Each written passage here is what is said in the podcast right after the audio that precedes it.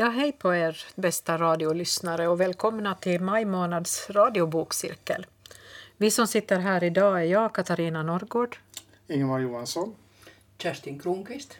Och Ulf Nyback. Och idag så ska vi prata om eh, Kazuo Ishiguros Klara och solen som faktiskt har kommit ut i år, så den är väldigt ny. Eh, jag tror vi överlämnar åt Ingemar som får berätta lite om författaren och om boken. Ja, Katsuo Ishiguro, Klara och solen. Boken kom ut i år på svenska. Uh, Ishiguro han är ju känd för väldigt många. Han är född 54.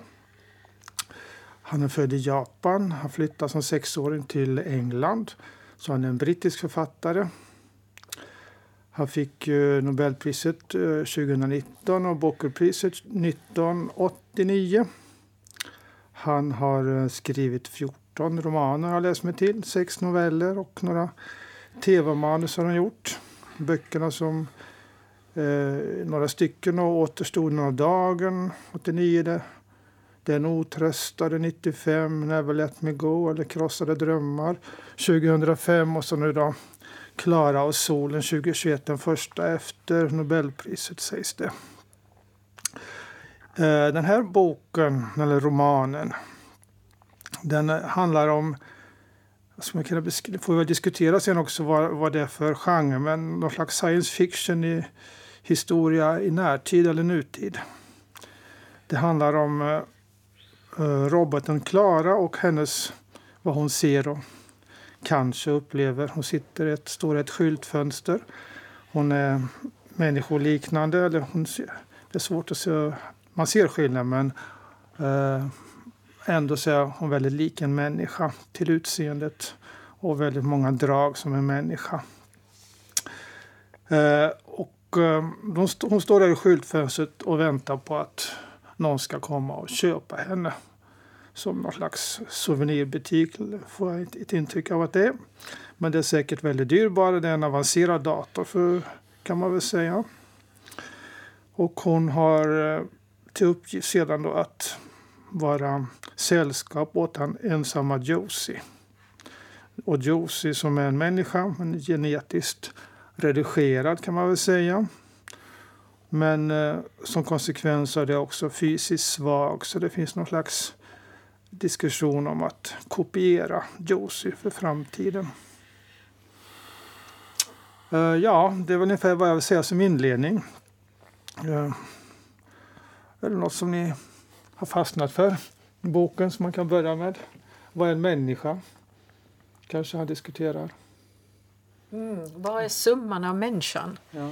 Skulle jag väl säga.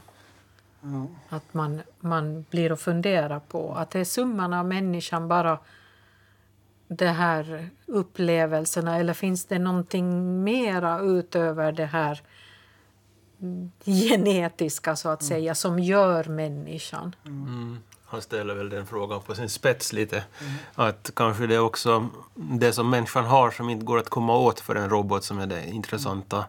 i den här boken. Att uh, går det att kopiera faktiskt allt i en människa? Går det att göra en avbild av en människa?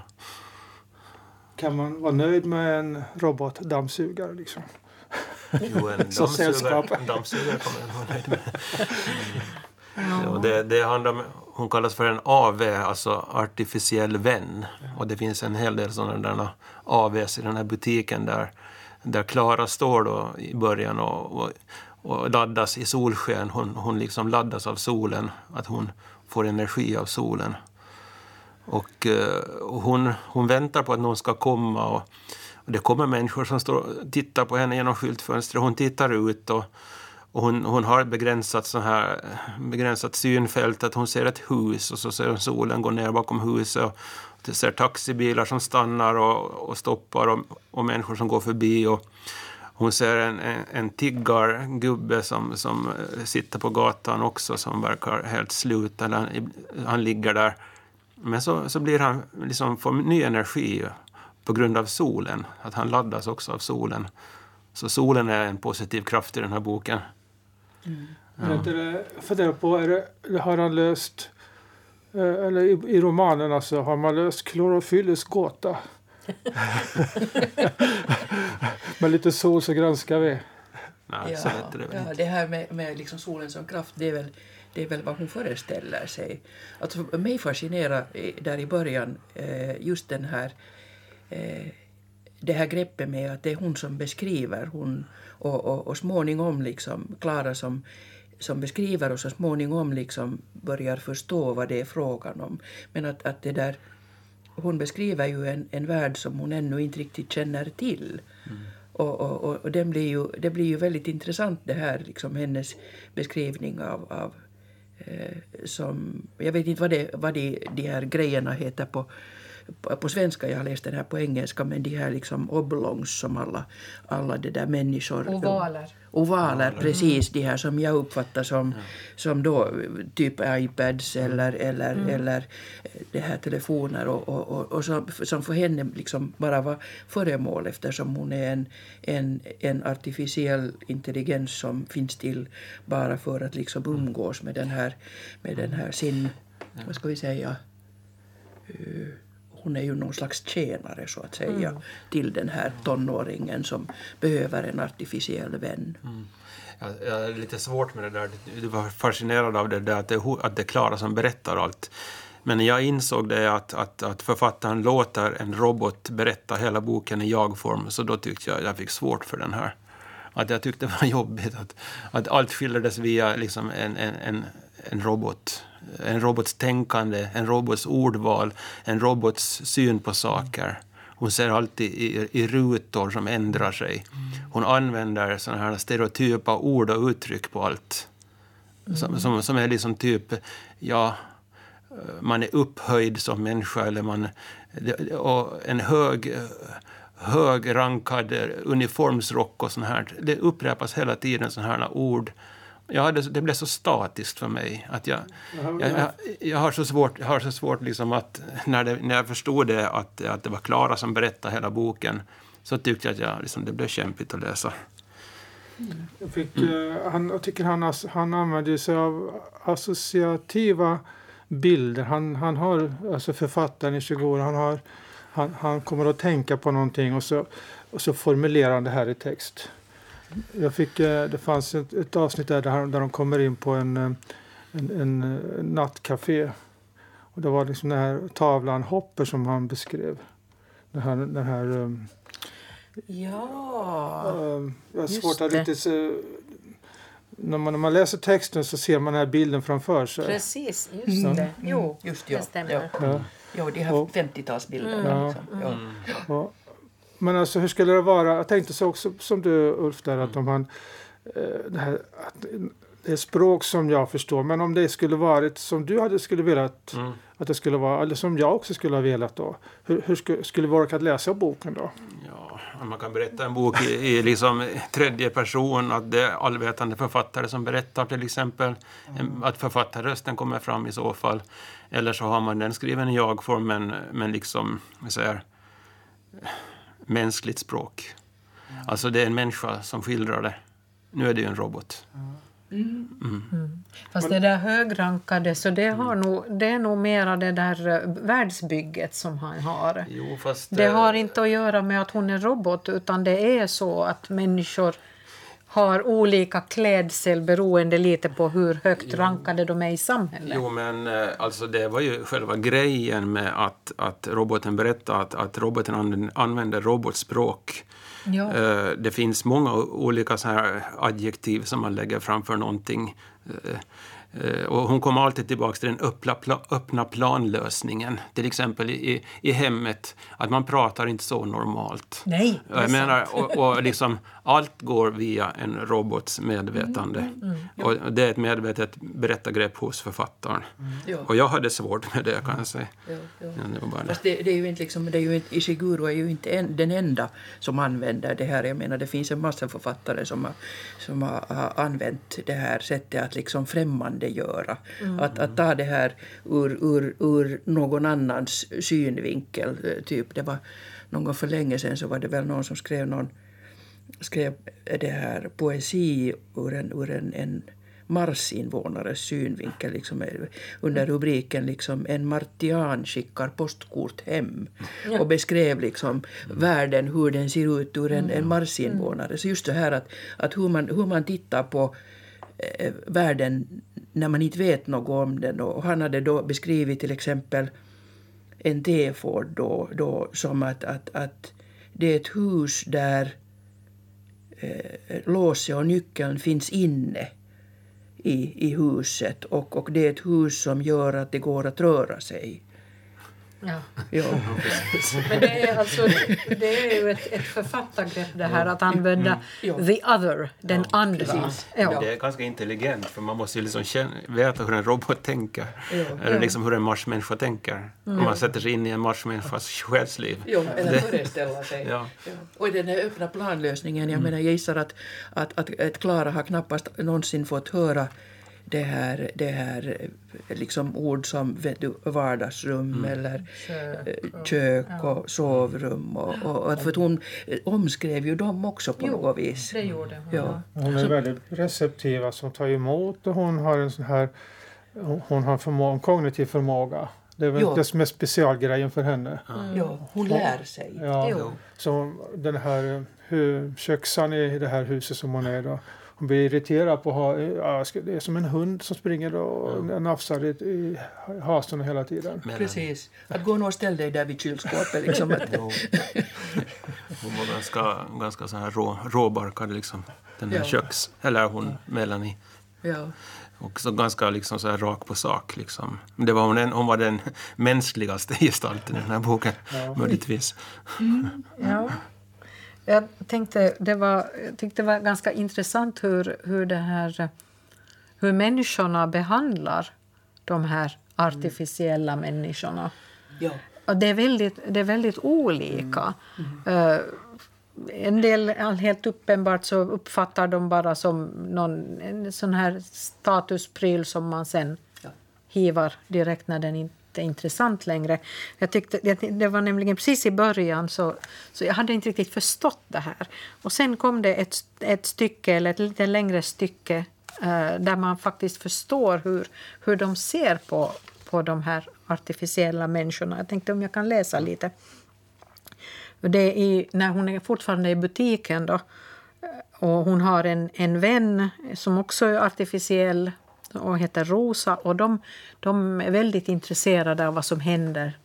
Men eh, Klara är då den som är mera, mm, har mera liksom, hon är mer perceptiv. Hon ser saker som Rosa inte alls lägger märke till.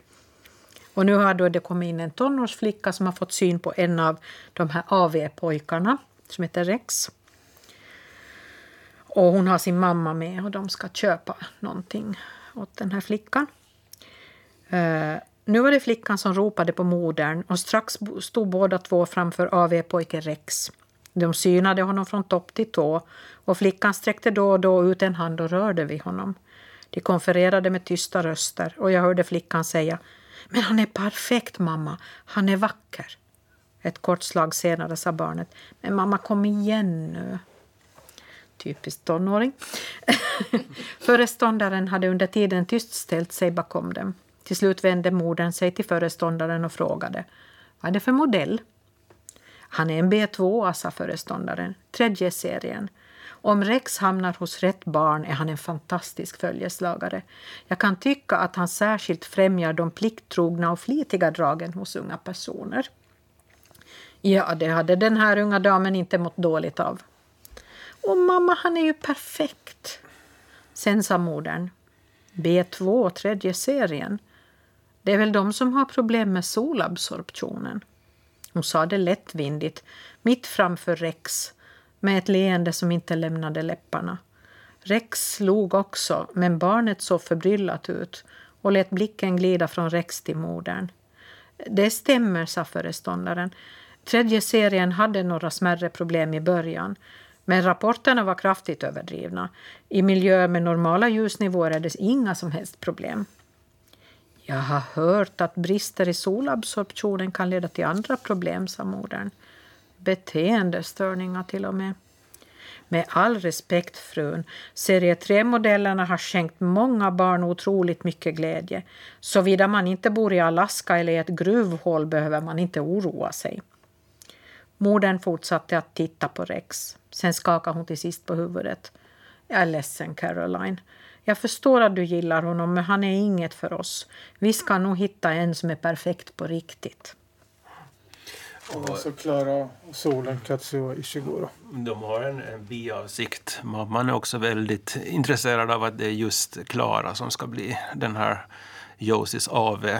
Och Josie är också väldigt eh, inställd på att köpa just Klara. Eh, och Klara börjar misströsta där i butiken. att Kommer de tillbaka den här snälla flickan som tittar på mig så där länge? Och, och hon blir undanstoppad i någon vrå där och börjar misströsta lite. De här B2orna tar plats i fönstret och andra kommer dit och mm, modern går vidare.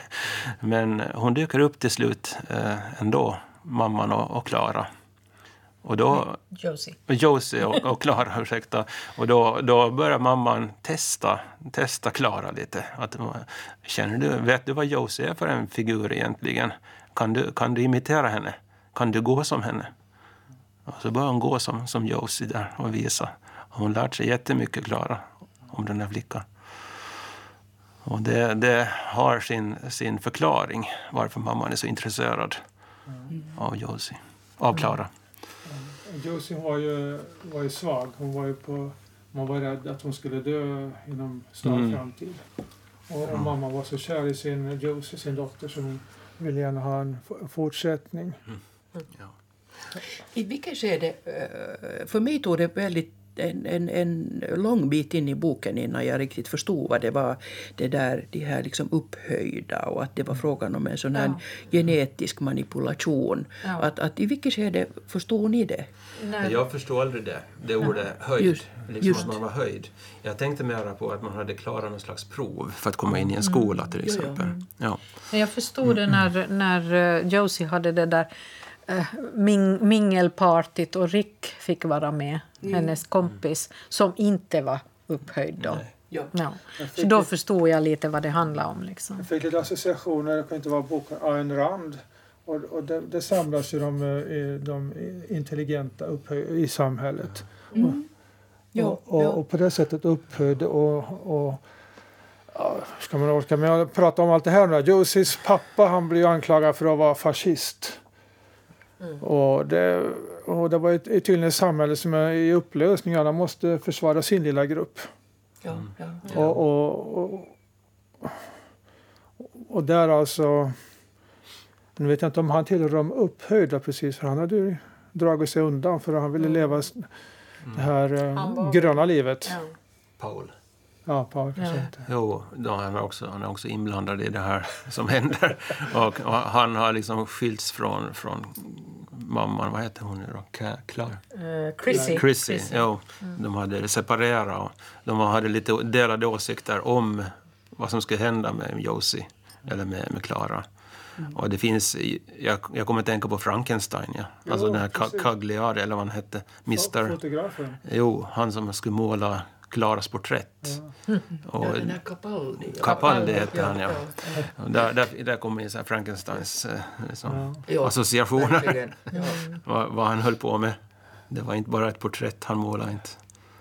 Men det som jag tycker är också som, som jag funderar på är, är det här uh, hur ska jag säga, Klaras förhållande till solen eftersom boken heter ju Klara och solen. Mm. Men hennes förhållande till solen, mm. man tänker då solen är hennes, hennes eh, kraftkälla. Mm. Det är den som gör att hon kan röra sig och att hon kan liksom fungera. Mm.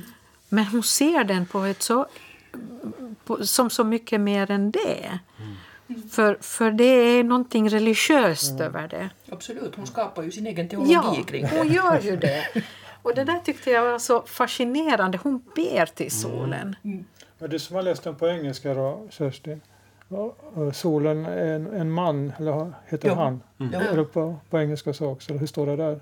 Ja, det, det är solen är en han. Ja. ja. Mm.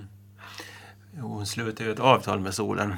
Och det är just det här som är komplicerat med de här konstellationerna bland, mellan de här människorna. Att, att alla är på sätt och vis beroende av varandra. Och, och, och Clara försöker väl rädda Josie. För Josie håller ju på att tyna bort att hon har något, jag vet inte vad hon har för sjukdom. Men det, det enda utvägen då som, och sen så har, har hon en sån här deal med, med Rick att de ska, de ska satsa på ett framtida liv tillsammans. Och Rick han, han, han går inte med på, på mamma, mammans liksom planer på att han ska gå, gå och läsa vidare i skola, för då orkar han inte med. Och, om man ska göra det ska han duga åt, åt, åt Josie, som skulle få ett bättre liv i så fall. Och, och hon håller på liksom att gå under och då så slutar Klara ett avtal med solen. Det finns en, en, en ladugård eller en lada, jag vet inte om det är Mr Baines lada eller vad den heter, som hon, hon träffar solen i. Att hon, hon liksom går själv dit, eller blir buren av Rick dit och, och, och har ett liksom förbund med solen där hon ber till solen att, att solen ska rädda, rädda Klara. Josie. Eh, Josie, jag blandar, För många namn. Ja, jag blandar ihop, ja. Precis. Mm. Så det, det. Alla är beroende av varann på något vis i den här boken. Men det är vi ju. Jo, det är vi. Och, och solen också är beroende. Och vi är beroende av solen. Och ja, det finns liksom en sån här eko liksom, eh, ekologiskt tänkande här också mm. i boken, med miljöförstöringen. Som... Den här coatingsmaskinen, det tog väldigt länge att få något som helst begrepp om vad, vad inte förstod jag fortfarande riktigt vad det var. Va, vad har du för gissning? Alltså, min, min... Det är någon sån här maskin som, som eh, med något gatu bygge ja, eller någonting ja. sånt som spyr ut en massa rök. Och ja. det uppfattar ju Klara som väldigt ont. Då. Ja, jag, jag, jag, alltså jag såg det som en sån där vet du, asfaltläggare. Ja, liksom, så. Den, ja, den stilen. Precis. Ja. Och det fanns inte bara en, utan det fanns flera coatingmaskiner. Jag trodde att det var bara en, ja. men ja. Och skulle de förstöra den då så skulle världen, eller åtminstone ja. Juicy, räddas. Ja, ja. Så hon satsade på att förstöra den faktiskt. Jag förstår, för hon, hade ju, hon var ju så, så bra på att sammankoppla men sen var också så väldigt så dum. Ja, det är väl egentligen frågan om det, att hon är ju ett barn. Mm. För att hon har ju inte, innan hon flyttar hem till Josie och hennes mamma så har hon ju aldrig sett någonting annat än den där butiken. Mm och föreståndaren och de andra AWna och kunderna. Hon vet ju ingenting om världen. Hon har ett så här fyrkantigt tänkande. Alltså hon har lite sådär som man idag skulle nästan ge någon diagnos. Nästan ja, men jag tänkte på ja. samma sak. Mm. Att hon har, hon har en, Jo, jag, jag skulle gärna sätta några bokstäver faktiskt. För hon, det känns så. Hon, hon tar saker och ting väldigt, väldigt bokstavligt ja. också. Mm. Oerhört. Ja, ja. Men det, jag tycker att det är kanske det som åtminstone för mig är styrkan med den här boken. Att den ger liksom en helt annan inblick i någonting. Den, den känns, det känns lite främmande men det är väldigt, väldigt intressant hur, hur författaren får fram det här. Klara genomskådar ju människor. Hon har liksom så här genomträngande blick. Hon mm. ser allt tydligare än dem. Och hon är helt oberoende av människors konventioner och liksom hur man ska vara mot varandra. Och därför så hon, hon, hon är, oh, och hon är helt ärlig, 100 procent ärlig varenda gång man mm. frågar henne. Och, och artig och trevlig. Hon är alltid positiv. Pos jo, hon är alltid positiv. och hon, hon ställer 100 procent upp för, upp för, för Josie. Mm. Ja, ja. Finns det något ja. ont i henne överhuvudtaget? Nej, det gör det nog inte. Nej. Däremot kan hon ju säkert ställa till med saker av okunskap. Precis. Men, men nej, något ont finns det nog inte i henne. Hon blir föremål för de andras liksom så här. Liksom. Och de retas med henne i början när de ska ha något interaktionsmöte som det hette. Ja, ja det var, det var ja. jobbigt. Ja, ja, ja, det var riktigt. Då höll de på att råka riktigt illa ut och de skulle slänga henne omkring i rummet och sånt här. Ja. Och det, det var den enda gången som, det, som det hon hon blev hotad egentligen. Nå, också när hon skulle gå ut till den här ladan så var det en tjur som stod och tittade på henne. Mm. Och den, den var hon också superrädd för. Mm. Ja, det, hon, hon uppfattade den som någon sorts sinnebild för ondskan. Mm. För att den hade liksom fullständigt bara ilska och ingenting annat. Mm. Men, men hon är ju... Hon, inte bara är hon väldigt eh, så här uppmärksam och noterar saker men hon har... Jag vet inte hur jag ska...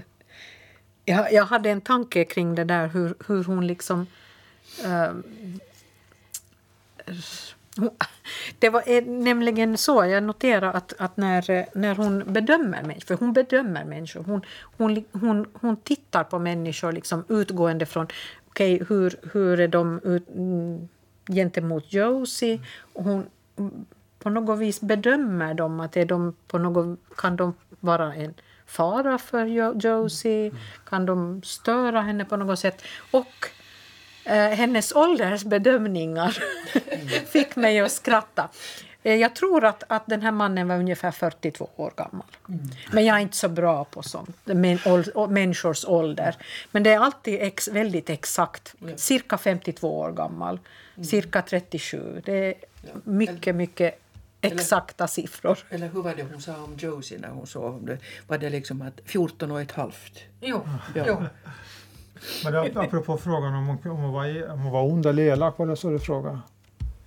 Ja, det fanns ju något ont i Jag tänkte på hon, eh, hon sysslar med den här civil olydnad. Då kan man ju mm. dra vilket perspektiv man ser det ifrån. Hon jo, förstörde men... den här kopermaskinen och förstörde hon ju för, för någon annans arbetsuppgifter. Jo, på det men... viset, hon, hon var ju förstås naiv där men Jo, men, men, men det är ur, ur vårt perspektiv.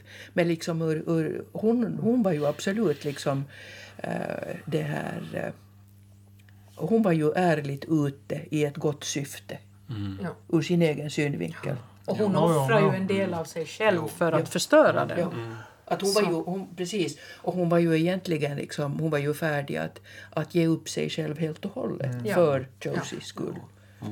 Hon var ju hjälten i den här boken. Men hon var det, det goda i den här boken. Men vad var det onda då? Alltså, ja, hon, hon agerar ju egentligen för hela mänskligheten kan man väl säga. På något vis. Mm. Att hon, hon liksom hade solen som sin vän. Och, Levde i en magisk värld. Jo, och hon försökte stoppa miljöförstöringen. hon mm. försökte mm. göra gott för, för sin, den som hon tjänade. Alltså hade, hon, hade hon blivit kalibrerad på ett sånt sätt då att hon att hon hade alla, alla data i sig som kunde liksom se. Hon var ju en ovanlig ave. Det sa redan föreståndarinnan som, som hon träffade sen till slut. Och, hon, men, hon, hade sån, alltså hon, hon, var ex, hon, hon, hon, visste ju mer än de flesta fast hon kunde inte vara människa. Men hon, ja, hon hade det där supraminne ja. liksom, och iakttagelseförmågan. Ja.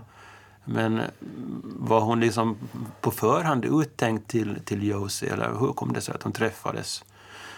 För de, det, eh, det, var hon väl inte. Att, det var väl nog en slump att, att de träffades. Men, men, men den, den intressanta frågan är väl det liksom att, att oberoende av hur hon var programmerad så, så det där, eh, kunde man ha förutsett vad allt hon hade förmåga att lära sig och, och på all, vilka alla sätt hon kunde använda det. Mm. Att, att så tillvida liksom är det ju det, det, det, blir det ju den här Frankenstein-frågan. Liksom, mm. att, att, att, att kan, vet man vad man skapar när man skapar jo. det här? Och, och, och, har man liksom...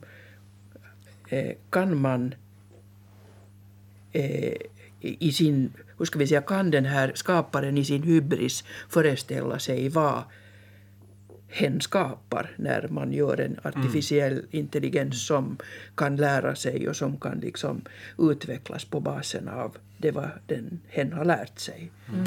Att vad hade det blivit av, av Klara om hon hade fått leva leva. Ja. om hon hade fått fortsätta liksom mm. fungera i 10 år, 20 mm. år, 30 år. Jag tänkte just den etiska frågan. Att kan inte en människa bara få dö? Att, kan man inte acceptera att det är så? Ja. Att liksom, det, det kom ju fram också det att att de var inte riktigt överens, Paul och, och, liksom, och den här mamman då, Chrissy. Chrissy, att vad de skulle göra av, av Clara. Och de höll det hemligt för, för Josie också. Att, att det, de har tänkt sig att, att, att Clara skulle, skulle fortsätta vara Josie. Och, och liksom mm. ett, ett annat liv, för då skulle de inte behöva lämna sin, sin dotter. Och det, då kommer man in på den frågan att kan man manipulera liv? Alltså kan man hålla på så här och leka, leka med, med, med liv och människor? Mm. Det, jag tycker det är en ganska så här etisk fråga, den här boken, som, som är ganska mm. viktig. Mm. Hur många människor, alltså på något sätt riktiga människor behövs det sen när de, när de kan börja umgås med varandra? De här? Är en robot lika bra som en människa? Eller ja, är det, det lika mycket värd? Ja. Vem behöver roboten? Vem behöver? Men, vi läser alltså, eller pratar om eh, Klara och solen, Katsuo Ishiguro, som har inspirerat oss till det här samtalet. Mm. Mm. Jag tyckte att Paul han, han försöker ju alltså testa, eh, testa Klara om hon verkligen känner Josie riktigt sådär in i djupet. Och då börjar de prata om hjärtat. Mm. Så Paul han, han frågar om hjärta och jag ska läsa lite här mm. hur, det, hur, det, hur, det, hur de pratar då.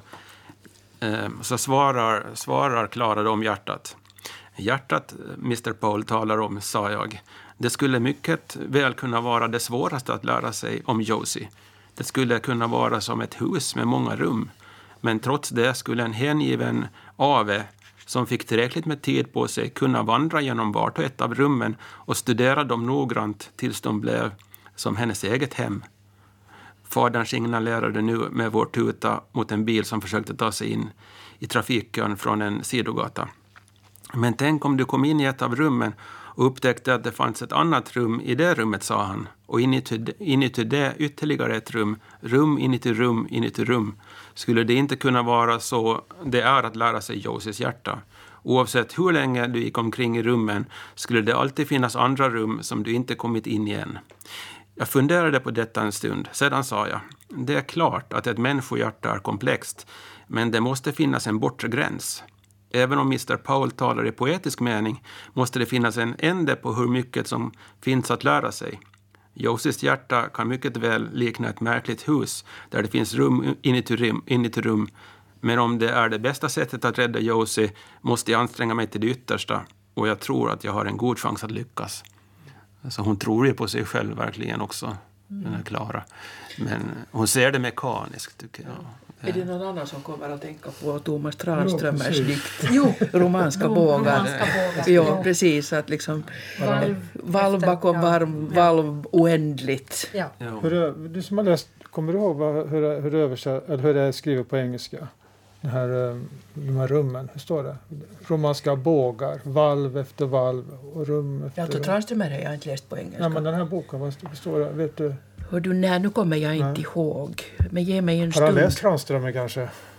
Ja, det, varför inte? Varför inte? Ja, ja, men Tranströmer säga att det är detta som är att vara människa. Mm. Att liksom, och, och, liksom att eh, du är större än vad du tror och mm. liksom man är större än, än sig själv. Eller ett mm. plus ett är mer än två.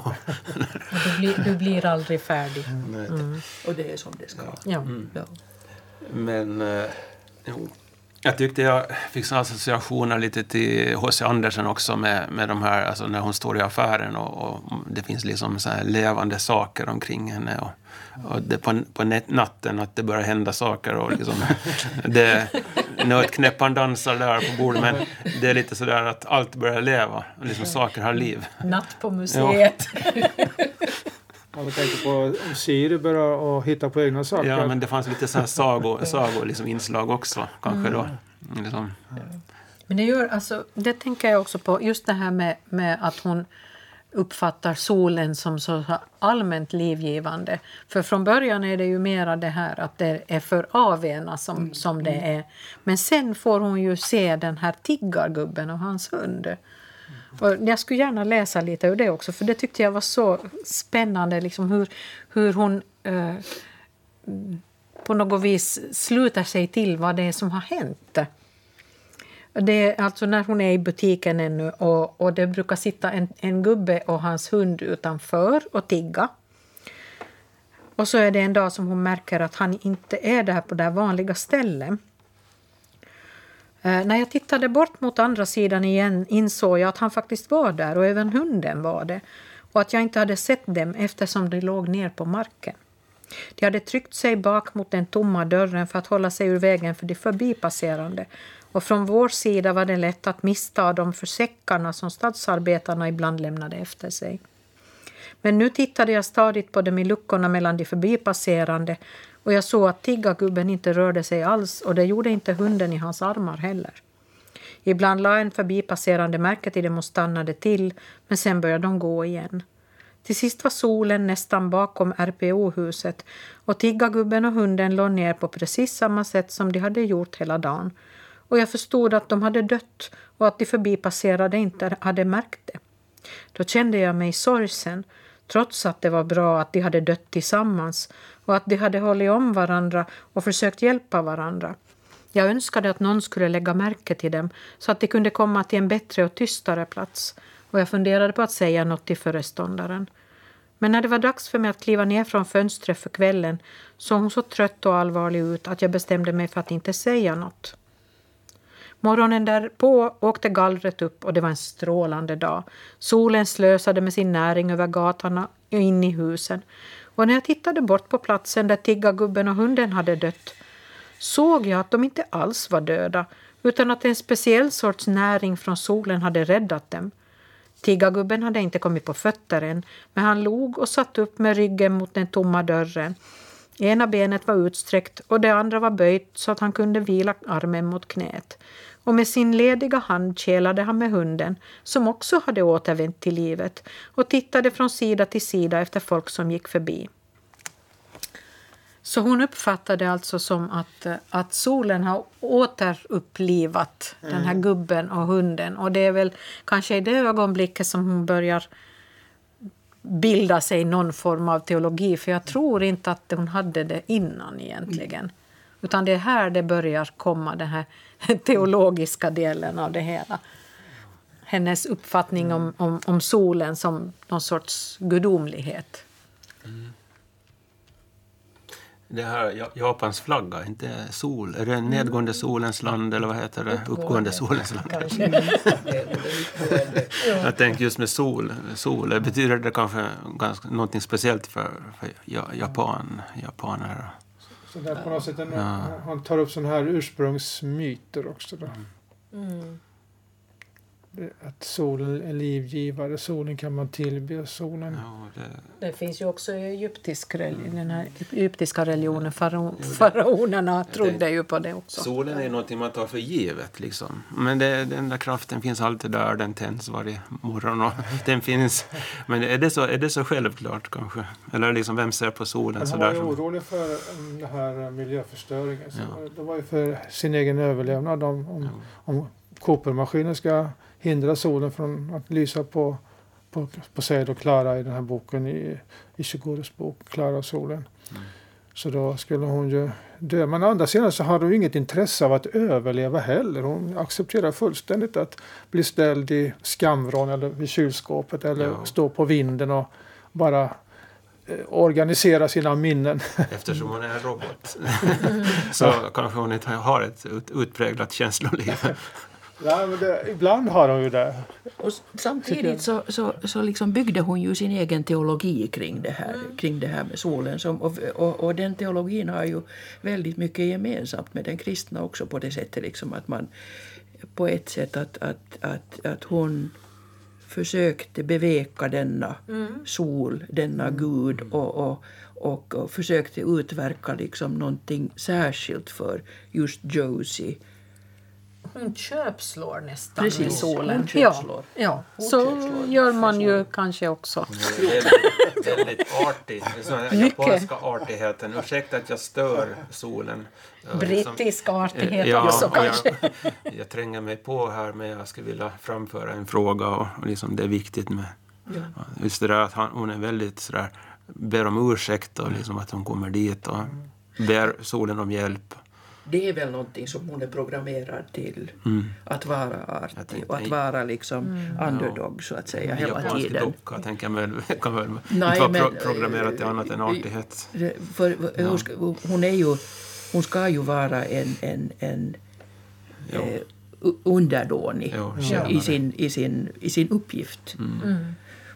Hon, hon, hon springer, går ärenden och, och, och, och hjälper till och plockar upp smutstvätt. Och, Ja. Hon har väl alla de där uppgifterna som vi, som, vi, som vi som nu lever plockar från olika håll. Jag tänker att japaner i sig är ju väldigt artiga av sig. Ja, men det, men de är det. Han är för, ja, ja, jag, jag vet inte. Jag tänkte, jag han, är, på han är ju engelsman. Ja, okay. Född, han är sex, som 16 kom han till England. Men, ja. Ja, var ja, hade, utspelar sig boken någonstans? Jag hade en sån bild av att hon var en, en japansk ave. Alltså att liksom, utseende var Ja. Fast utseende var ju, nej, utseende var ju, hon såg ut som en fr fransyska. Ja, okay. ja precis. Ja. Men, nu, nu mm. kommer jag till den anekdoten som, som Katsuo Ishiguro själv berättade i, i, i, en intervju i BBC som jag såg här för alldeles en, en vecka sedan. Att, att eh, folk när de frågar honom saker så, så det där fastnade just på det här liksom att han är född japan. Mm. Och, och, bland annat så finns det en eh, allmänt utbredd missuppfattning om att han är jättebra på, på judo. För att alla liksom, eh, skolbarn i, i, i, Japan förstås mm. lär sig judo. Så han sa att det har upprepats så många gånger att han nästan själv börjar tro på det.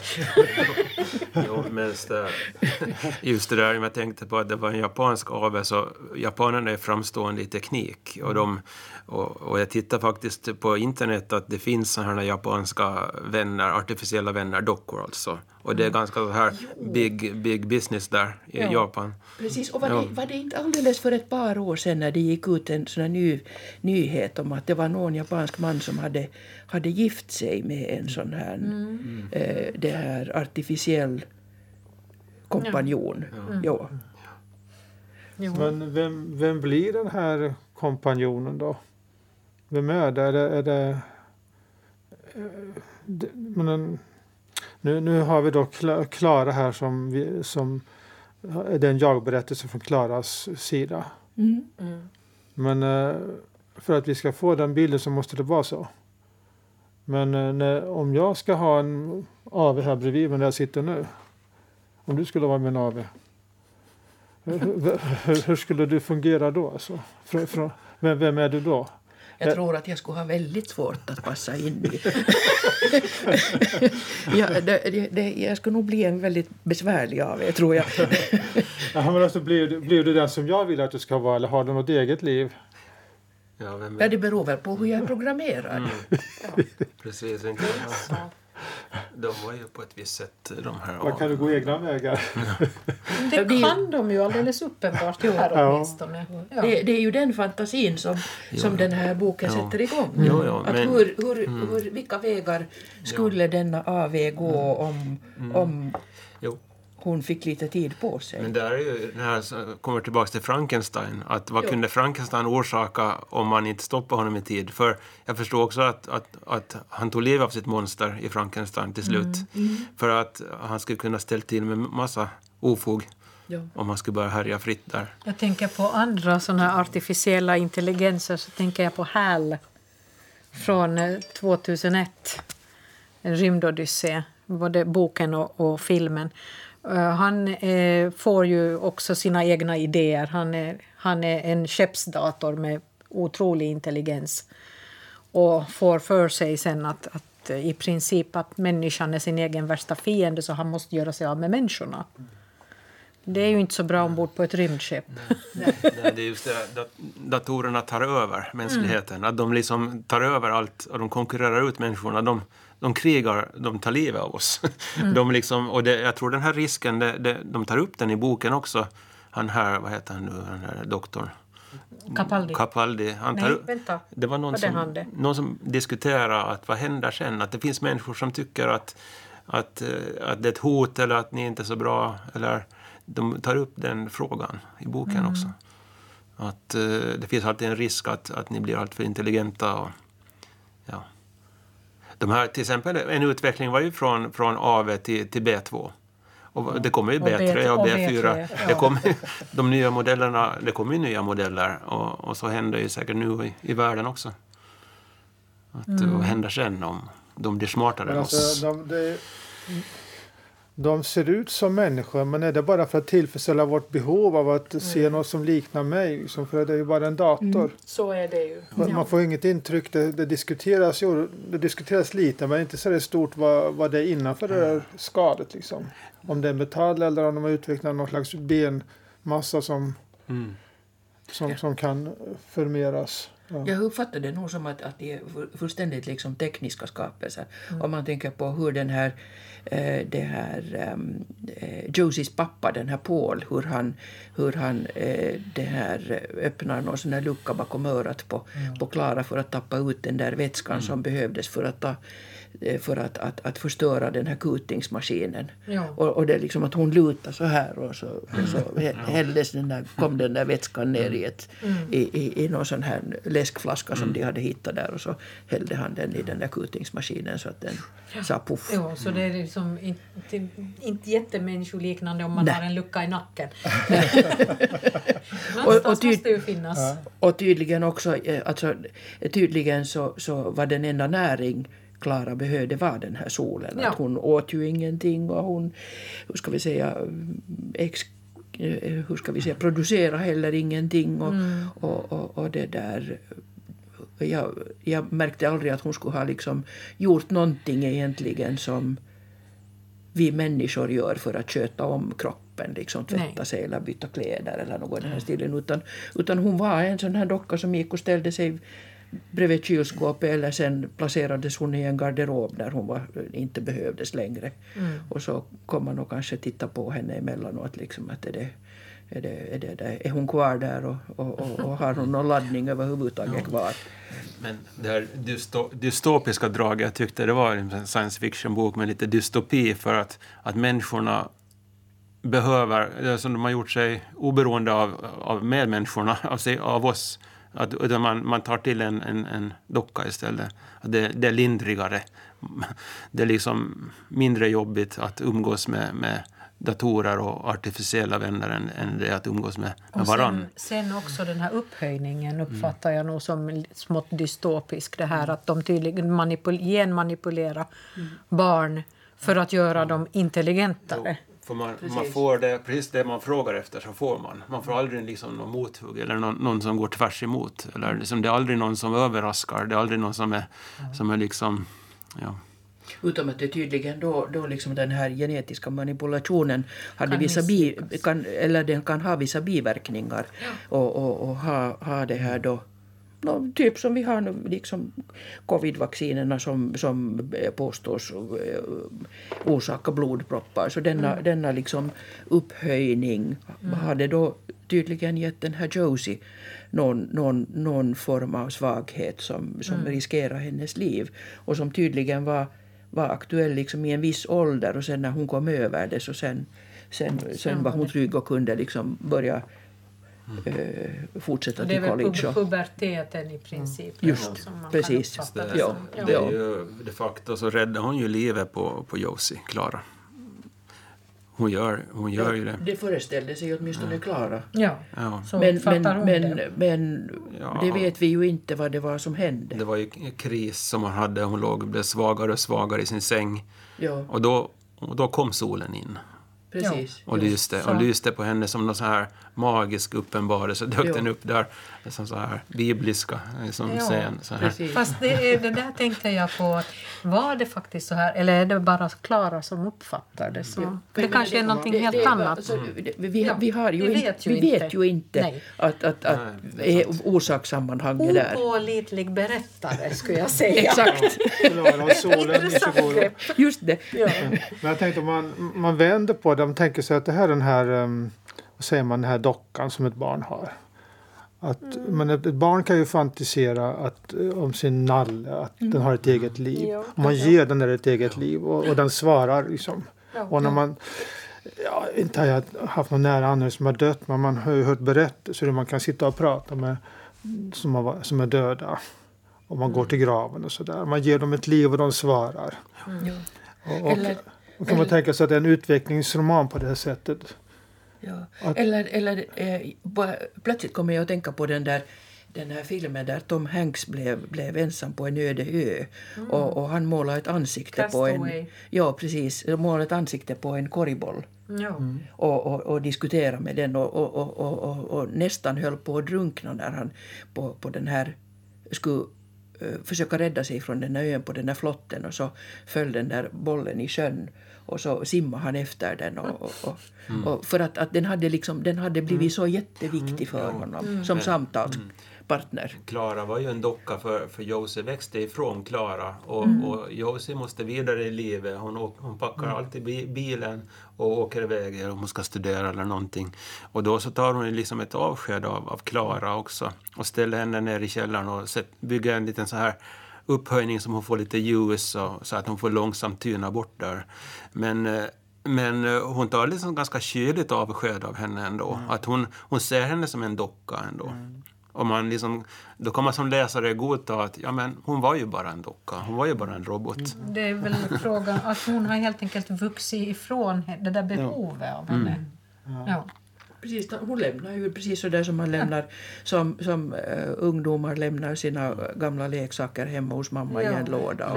Och, och det, ja, de får, du får inte kasta, du får inte kasta bort dem, men, du får inte kasta bort dem, men, du, men jag vill inte ha dem längre. det här, det här skräckdraget kommer ju, det här, de här planerna som de hade för, för, för Josie, så de fanns ju de fanns ju där och, och då i änden så var det ju Klara som fick, fick de här skräckplanerna att inte förverkligas. Mm. För de hade ju en, en tanke om att hon skulle fortsätta och mm. vara, och vara Josie. Iklä sig dräkten som, som den här porträttmålaren hängde upp. Mm. Att hon skulle börja som kliva i skalet. Det är inte helt, mm. jag vet inte hur vanligt det är, men det förekommer i alla fall att föräldrar inte vill att barnen ska bli vuxna. Mm. No, där skulle det ju vara en, en, den idealiska som aldrig blir vuxen. Jag vill ha de gulliga barnen, inte de stökiga. ja. Så vad äh, tänker vi om, om Nobelpristagare Ishiguro ja, och hans senaste? Jag tycker den är tungläst. Att, ja, jag kämpar mig nog igenom den, måste jag säga. Lite pratig kanske? Ja, tung. Alltså jag, just det där berättarperspektivet tilltalar inte. Att jag, när jag förstod att det var en robot som berättade, så då... Ja. Jag var nog ganska fascinerad av den. Ja. Den, den, satte så, den satte igång min fantasi så väldigt mycket att jag kommer nog att fundera på den väldigt länge. Det tror jag också att jag kommer att göra. Jag tyckte att det var ett väldigt spännande grepp och, ja. och just det här hans sätt att använda det här, det här otherness, det här mm. Eh, utanförskapet. Ja, på ett, nej, precis. Ja. Så tyckte jag var... Jo, jag uppskattade faktiskt, men ja. Men jag, den, den var annorlunda. när, han, när, han, när jag förstod att han... Jag tyckte att jag, jag förstod att han kopplade ihop allt det vi redan har runt omkring oss till en, en figur. Mm. Så ja, men då, nu förstår jag boken. Mm. Och nu har jag förstått lite mer i det här samtalet man måste ha tid på sig kanske för den. Ja, ge den, ja, ge den mycket tid. Det tror jag. Det tror jag. Men hörni, då, då tror jag vi är klara för den här gången. Klara, ursäkta. Vi har alltså pratat om eh, Kazuo Ishiguros Klara och solen. Eh, och vi som sitter här idag är jag, Katarina Norrgård. Jag, Ulf Nyback. Kerstin Kronqvist. Och jag, Ingemar Johansson. Eh, och i juni så kommer vi att prata om en klassiker minsann. För då ska vi ta upp Clownen Jack av eh, Hjalmar Bergman. Men tills dess, läs mycket böcker och njut av sommaren.